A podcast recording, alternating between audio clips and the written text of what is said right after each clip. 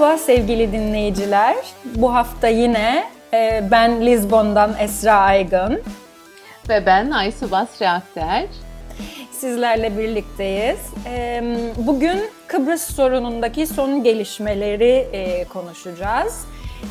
Seçim klipleri yayınlanmaya başladı. Onlara kısaca değineceğiz ve pandemide son durum nedir ülkemizde ve dünyada ona değineceğiz. Evet Aysu'cum, Kıbrıs sorunuyla başlayalım. Hayatımızın evet. sorunu dedik, Kıbrıs sorunu. Aynen öyle. Maalesef sen Lizbon'da, ben Girne'de. O evet. sorundan ne kadar kaçmaya ya da uzaklaşmaya çalışsak da çok başarılı olabildiğimizi söyleyemem. Ee, Kesinlikle. Ee, herhalde Kıbrıs sorununda çok uzun süredir sen de biliyorsun derin bir sessizlik vardı. En son e, geçtiğimiz gün e, Birleşmiş Milletler Genel Sekreteri Guterres'in seçim sonrasına işaret eden açıklaması gündeme damga vurdu. E, Guterres'in açıklamalarında en çarpıcı nokta tek taraflı adım atılmamasının önemiydi. Bunun zarar verici olduğuna işaret etti sürece. Ki burada biliyoruz işte Kapalı Maraş'ın açılması ve çeşitli evet. bir takım e, alternatif yöntemler üzerine bir süredir konuşuyor e, mevcut hükümet. E, zaman zaman Türk Dışişlerinden, Türkiye yetkililerinden benzer açıklamalar geliyor. Ama bunu doğrudan Maraş'ın açılma tartışmalarına bir gönderme olarak yorumlayabiliriz Guterres tarafından. Bir de seçim e, sonrasında bir beşli konferansı e, dile getirmesiydi. Bu biliyorsun Berlin sonrasında gündeme gelmiş ve aslında son derece kritik öneme haiz olarak kullanılabilecek bir alan ve bu konferansın şimdi hangi çerçevede toplanacağı ya da ne kadar verimli olacağı tartışılıyor. Şimdi Türkiye Dışişleri Bakanı Çavuşoğlu'nun açıklamalarına baktığımız zaman e, çok yeni bir şey görmüyoruz. Ama örneğin Dışişleri Sözcüsü biraz da sanki Çavuşoğlu'nu yalanlar gibi bir e, edayla e, bunun hani federasyonun artık konuşulmayacağını ve bunun bizzat Sayın Akıncı tarafından da Türk Dışişleri tarafından da açıkça ifade edildiğine işaret ediyor. Evet ee, orada enteresan bir şey hı. oldu. Pardon lafını kestim. İlk açıklama Çavuşoğlu'ndan geldi Guterres'in açıklamasından hı sonra ki dediğin gibi hani çok da olağan dışı bir şey yoktu. Hatta yani ılımlı diyebileceğimiz bir açıklamaydı ya da hani daha önce söylenmemiş bir şey yoktu. İşte e, görüşmelere, müzakereler tekrar başlayacaksa bunun zemininin ne olacağına karar vermemiz gerekir önce. Hani neyi müzakere edeceğimize karar vermemiz gerekir gibi bir e, vurgusu vardı Çavuşoğlu'nun. Ama ondan sonra bir şey oldu ve dış işlerinden ve dışişleri sözcüsünden çok daha sert açıklamalar geldi. Yani o, o arada yalanlar gibi dedin sen de. Hani böyle bir tezat ya da böyle bir yalanlama ihtiyacı e, nasıl doğmuş olabilir? O arada ne olmuş olabilir sence? Şimdi tabii bir süredir aslında Kıbrıs sorununda çözüm arayışının temeli nedir'i tartışıyoruz. Bir süredir derken Crans-Montana'dan beridir. Çünkü hatırlayacaksın Crans-Montana'ya giderken de bu işte son denemedir. Federasyon zemininde son denemedir. Artık buradan da bir şey çıkmazsa federasyon çerçevesinde bir çözüm aramak ya da bulmak mümkün olmaz. En azından çok uzun yıllar yeniden böyle bir e, zemin kurulamaz şeklinde bir takım değerlendirmeler yapılıyordu. Yani bir yeni bir son kurgusuyla gidildi tekrar e, Montana'ya. Özellikle Türkiye çok sık bunu tekrarlıyordu. Evet, evet. Türk yetkililer çok sık Hı-hı. tekrarlıyordu. Evet. E, ve hatırlayacaksın görüşmeler tamamlandı, başarısızlıkla sonuçlandı ve oraya da Cumhurbaşkanı Akıncı artık bu bizim neslin son denemesidir ifadeleriyle evet. damga vurdu. Ki bana göre Akıncı'nın en büyük hatasıdır o ifadeler ee, ve e, daha sonra federasyonun sorgulanmasına bir silah veren çok şanssız açıkla bir açıklamaydı o. Hı hı. Herhalde o anın üzüntüsüyle, hayal kırıklığıyla yapılan. Daha sonra Akıncı'nın e, bu ifadenin ne kadar yanlış olduğunu gördüğünü düşünüyorum. Çünkü ondan sonra tekrar federasyon zeminine ve federasyon vurgusuna geri döndü. Ama e, maalesef o oradaki o işte bizim neslin son denemesidir, e, işte federasyon, federal çözüm konusunda e, bizim neslin son denemesidir açıklaması e, birçok kişiye silah verdi. Güneyde de, Türkiye'de de, kuzeyde de. Evet ve e, bu hala kullanılıyor gerek kendisine e, karşı muhalif taraflarca gerekse bu federasyon zemini sorgulanırken. Şimdi federasyon zemininin biliyorsun yarım asırlık bir geçmişi var. Kıbrıs sorunuyla ilgili her şey e, böyle iğneyle kuyu kazar edasında bu zemin üzerinden şekillendi. Ve bana göre Kram Montana'da Kıbrıs Türk tarafı yine federasyon zemininde çok önemli ilerlemeler e, de kaydetti etti. Kesinlikle. E, siyasi eşitlik anlamında da çok önemli ilerlemeler kaydetti. Şimdi e, biz... Guterres çerçevesi zaten kendi başına Kıbrıs Türk tarafın için büyük bir kazanım ve e, bunun yeterince anlatılabildiğini düşünmüyorum ben. Hani biz bile çok uzun süre Guterres çerçevesi yokmuş gibi davrandık. Hı hı. İşte bunun olmadığını söyleyenler oldu. Böyle bir çerçeve yoktur diyenler oldu. Ama sonuçta günün sonunda e, neyse ki Birleşmiş Milletler de kendi çerçevesine sahip çıktı. Akıncı da bunu daha çok dillendirmeye başladı. Ama o çerçevede gerçekten Kıbrıs'ta Türkler için çok büyük kazanımlar vardı. Yani dönüşümlü başkanlıktan, siyasi eşitlikten, e, mülkiyet rejimine kadar e, çok büyük kazanımlar vardı o çerçevede ve onun şu anda masada olduğunun tekrarlanması beni çok memnun etti açıkçası. Evet çok uzun bir süre Birleşmiş Milletler de sessizdi. Biliyorduk buradaki evet. seçim e, mi beklediklerini ama en azından şimdi seçimlere bir ay gibi bir zaman kalmışken bir aydan daha kısa bir zaman kalmışken buna vurgu yapması, bunu hatırlatması, tek taraflı adımları bir şekilde reddediyor pozisyonunda olması Kıbrıs'ı hala yakından takip ettiğine ve bu beşli konferans konusunda istekli ve talepkar olacağı anlamına geliyor. Seçim sonrasında kim seçilirse seçilsin Birleşmiş Milletler'in Berlin'de bıraktıkları noktadan itibaren, Crans-Montana'da bıraktıkları noktadan itibaren bir ilerleme niyeti ortaya koyacağını anlıyoruz ama şimdi tabii ki kimin seçileceği de son derece önemli. Evet. Federasyon karşıtı bir görüşün e, bu noktada e, özellikle bu zemini tartışırken bir e, katkıdan ziyade daha kalıcı bölünmeye ve Kıbrıs'ı Türkler başta olmak üzere Türk tarafının kazanımlarına da çok ciddi bir e, tehdit getireceğini düşünüyorum ben. Evet. E, Guterres'in sözleri kuzeyde bir kesim tarafından da seçimlere müdahale gibi algılandı sanıyorum. Tam da bu dediğin sebepten dolayı. Çünkü hani sanki federal zeminde yürümek isteyen adaylara bir destek atışı yaptı Guterres. Diğerlerine işte Maraş'ın açılması ve federasyonun artık hani dan vazgeçilmesi gerektiğini söyleyenlere de sanki böyle bir e, onları dışlar gibi seçim dışı bırakır gibi bir açıklama olduğu söylendi. Böyle algılayanlar oldu. Sen öyle bir müdahale gibi algıladın mı Guterres'in açıklamasını? Yani bu belki biraz e, zorlama bir yorum olur. Hani e, işte e, Türkiye'nin müdahalesini konuşuyoruz, bunu eleştiriyoruz. Tabii ki e, bununla beraber e, herhangi bir adresten e, gelen bir müdahale varsa onu da eleştirmek gerekiyor. Ama burada şu var. Birleşmiş Milletler Genel Sekreteri bunu bir konferans açılışında e, yaptığı konuşmada söyledi. Yeni bir şey söylemiyor. Birleşmiş Milletler'in Kıbrıs sorununda federal çözüm çerçevesinde bir süreci desteklediği biliniyor. Bu türlü belgeye, türlü görüşe sahip lider tarafından az ya da çok katkıyla girmiş, imzalanmış bir süreç. Bu dün olan bir şey değil. Yarım asırlık bir geçmişi var. E, beşli konferans da hani genel sekreterin böyle seçim arifesinde yarattığı bir şey değil. Özellikle Berlin konferansı sonrasında seçimden muhtemel bir seçim sonrasında bir konferansın oluşacağı zaten biliniyordu. Böyle bir niyet telaffuz edilmişti. Yani yine yeni bir şey söylemiyor. Ha evet hiç ortada böyle bir olasılık yokken genel sekreter çıkıp işte seçimden sonra federal zeminde bir çözümü konuşmak için beşli konferans toplayacağım demiş olsa ha, bu bunu bir müdahale olarak belki algılayabilirsiniz. Ama bu öyle bir e, durum söz konusu değil asla.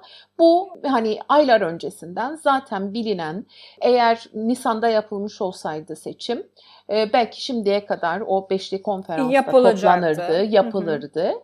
E, yapılmadı, Ekim'e ertelendi. Şimdi bu seçimden sonra kim seçilirse seçilsin bu e, konferans için Birleşmiş Milletler'in e, bir e, talepte bulunacağını anlıyoruz. Çünkü bu önceden kararlaştırılmış bir şey. O yüzden ben hani seçime müdahale, federal çözüm e, taraftarlarına bir destek gibi yorumları biraz da zorlama bir e, yorum olarak görüyorum. Yoksa hani federasyon zemininde bir çözüm talebi Birleşmiş Milletler e, için ne sürprizdir, ne bilinmeyendir, ne de daha farklı bir e, açıklama beklenebilir Birleşmiş Milletler'den. Doğru, doğru. Ben ben de aynı aynı şekilde hani abartılı olduğunu düşünüyorum o o şekilde yorum yapanların. Dediğin gibi zaten Birleşmiş Milletler'den hani federasyonun dışında bir çözüm modeli beklemek ya da işte Berlin toplantısı sonrasında kararlaştırılan veya planlananın dışına çıkması beklenmezdi. E, o yüzden de iyi oldu. Şundan iyi oldu. Hani çok sık duyuyoruz artık işte federasyon öldü, bitti, yeter artık, 5 yıl daha kaybetmeyelim e, gibi şeyleri. E, hani uluslararası toplumdan federasyona yönelik destek gelmesi işte Kıbrıs'taki federalistler için bir güç ve bir destektir.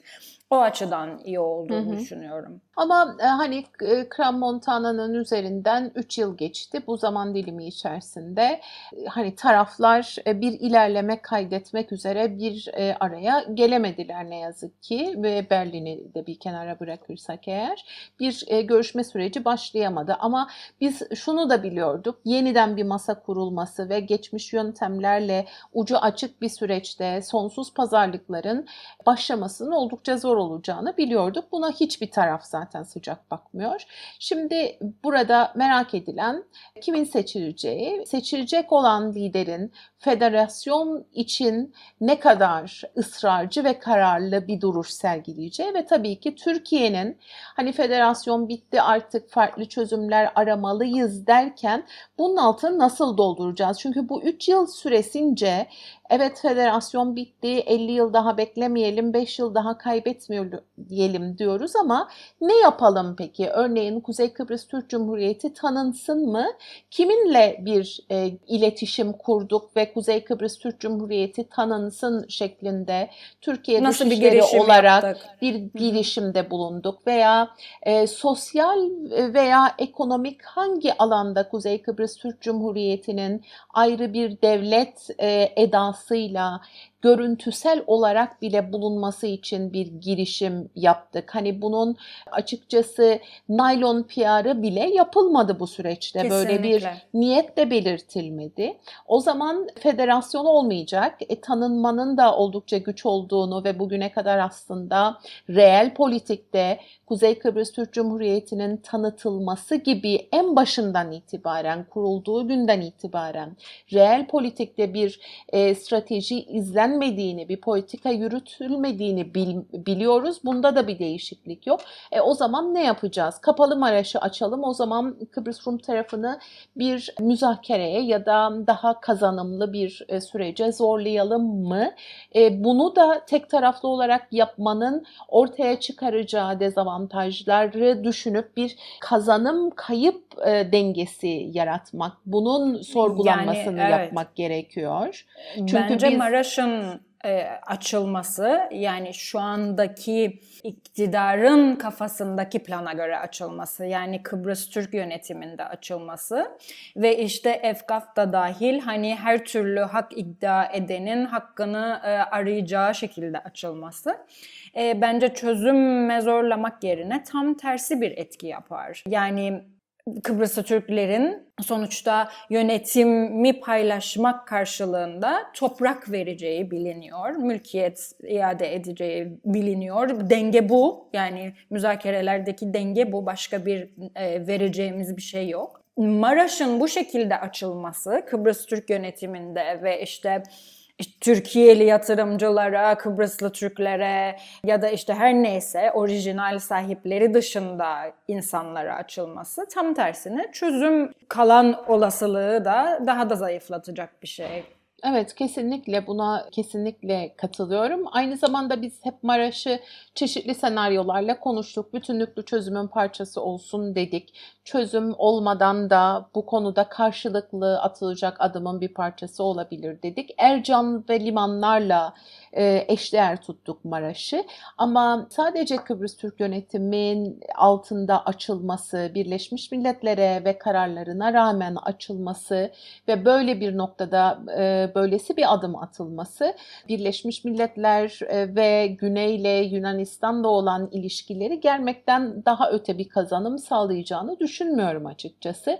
Bu belki bireysel anlamda Kıbrıslı Rumlara, bireysel anlamda orada iş yapacak olan Kıbrıslı Türklere, Rumlara, belki Türk vatandaşlarına bireysel bazda bir takım kazanımlar sağlayabilir, sağlamaz demiyorum. Ama bunun e, toplumsal zararları, bunun uluslararası ilişkilerde yaratacağı hasar çok daha büyük boyutta olacaktır ve ben bunu bir e, mazur gör hovardaca macera gibi görüyorum e, ve çok da anlam ifade etmiyor. Ama çok güzel söyledin. Federasyonu da konuşacaksak bizim Kıbrıs Rum tarafını nasıl motive edebilirizin yollarını aramamız ve e, uluslararası toplumu da e, bu kadar özellikle taleplerimize siyasi eşitlik ve federasyon e, bağlamında dönüşümlü başkanlık dahil olmak üzere e, taleplerimize bu kadar destek bulmuşken bunu bir yazılı çerçeveye döktürmüşken e, hani bu desteği kaybetmek yerine bu desteği alarak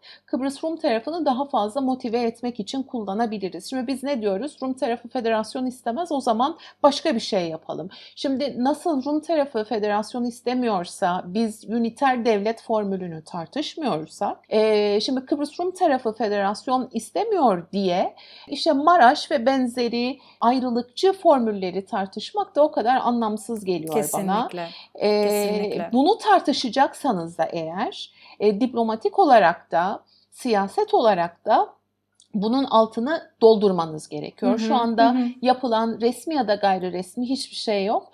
Dolayısıyla evet. e, bunu tartışmak abes. Seçimi evet. bekleyeceğiz. Söylenen bir şey de yok aslında hı hı. Aysu. Yani işte seçim kampanyası içerisindeyiz. E, ben e, ne federasyonu destekleyen adaylardan işte dediğin gibi Rumları federasyona ikna etmek için ne yapacaklarına dair bir hı hı. şey duymadım. Ne de federasyona karşı olan adaylardan tamam federasyon istemiyoruz. Çok güzel istemeyebiliriz. Başka çözüm alternatifleri nedir? Kafalarındaki nedir?